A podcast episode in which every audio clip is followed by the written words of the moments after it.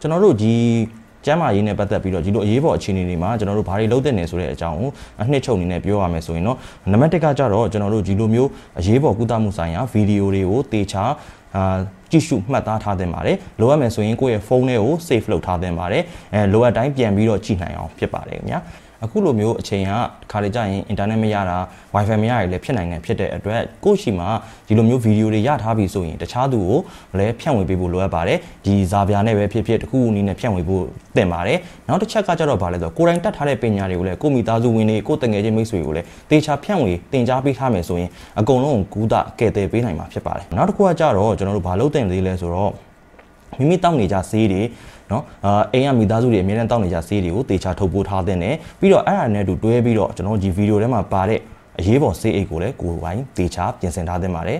အဲ့လိုနှစ်ခုပေါင်းပြီးတော့တေချာအိတ်တစ်လုံးနဲ့ထည့်ထားသင့်ပါတယ်နောက်တစ်ခုကကြတော့ကျွန်တော်တို့စေကူးသားမှုပေးနေတဲ့နေရာတွေကိုကြိုတင်သိထားဖို့လိုအပ်ပါတယ်အဲဒါကြောင့်အဲ့နေရာတွေဘယ်နားမှာရှိတယ်ဆိုတာကိုကြိုတင်စုံစမ်းထားသင့်ပါတယ်နောက်တစ်ခုကကြတော့အဲ့နေရာတွေကိုသိပြီဆိုရင်လည်း အဲ့နေရာတွေကိုဘလို့သွားရမလဲဆိုတဲ့လမ်းကြောင်းတွေပေါ့နော်အဲ့ဒါတွေကိုလည်းကြိုတင်စဉ်းစားထားသင့်ပါတယ်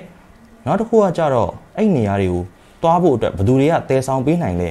ဘယ်သူကပို့ပိနိုင်လဲပေါ့နော်အဲဒီ private ambulance ကားတွေနဲ့သွားရမလားဆိုင်ကယ်နဲ့သွားရမလားကားနဲ့သွားရမလားဒါမှမဟုတ်ရင်လှေတွေနဲ့သွားရမလားပေါ့နော်အဲ့လမ်းကြောင်းတွေတည်ပေးနိုင်မဲ့သူတွေအကုန်လုံးလည်းတေချာစုံစမ်းထားသင့်ပါတယ်ပေါ့နော်ဒါမှသာကျွန်တော်တို့ကတခုခုဖြစ်ခဲ့တယ်ဆိုရင်ကျန်းမာရေးအတွက်အသင့်တော်ဆုံးနေအောင်ရောက်ရှိမှာဖြစ်ပါတယ်